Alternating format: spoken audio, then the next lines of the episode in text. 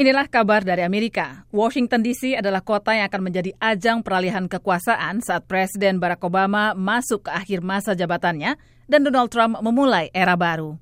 Wakil Presiden terpilih Mike Pence mengatakan pemerintahan barunya siap bertugas. Uh, we are all uh, ready to go to work. In fact, we can't wait to get to work. For the American people to make America great again. Beberapa jajak pendapat menunjukkan Trump akan menjabat dengan tingkat popularitas terendah dibanding presiden terpilih lainnya dalam 40 tahun terakhir ini. Tetapi Trump tetap optimis menghadapi tantangan khususnya dalam hal menciptakan lapangan kerja. Dan ia menyampaikan hal ini dalam konferensi persnya yang pertama pekan lalu. So there's a great spirit going on right now. A spirit that many people have told me they've never seen before, ever. Dalam konferensi pers terakhir sebagai presiden, Barack Obama memberikan sejumlah nasihat kepada penerusnya. This is a job of such magnitude that you can't do it by yourself. You are enormously reliant on a team. Dalam beberapa bulan pertama pemerintahannya, Trump diperkirakan akan memusatkan perhatian pada kebijakan dalam negeri, khususnya penciptaan lapangan pekerjaan dan pemangkasan pajak.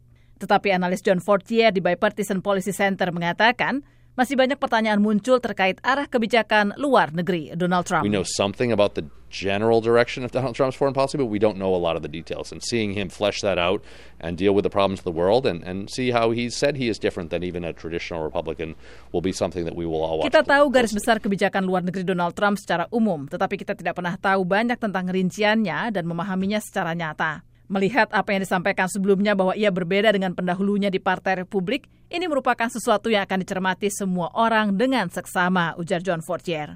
Sementara analis Michael Baron di American Enterprise Institute mengatakan, meskipun kampanye presiden yang memecah belah itu sudah berlalu, tingkat popularitas Trump yang rendah menunjukkan bahwa masih banyak hal yang perlu dilakukan untuk menyatukan negara ini. We are more in an era of bad feelings now.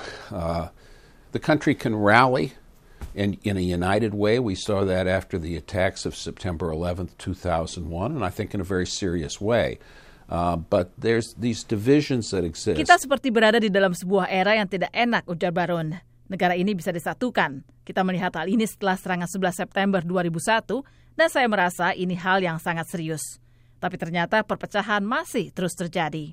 Ratusan ribu pendukung Donald Trump diperkirakan akan berada di Washington DC untuk mengikuti pelantikan dan sekaligus menyimak pidato pertama presiden baru itu.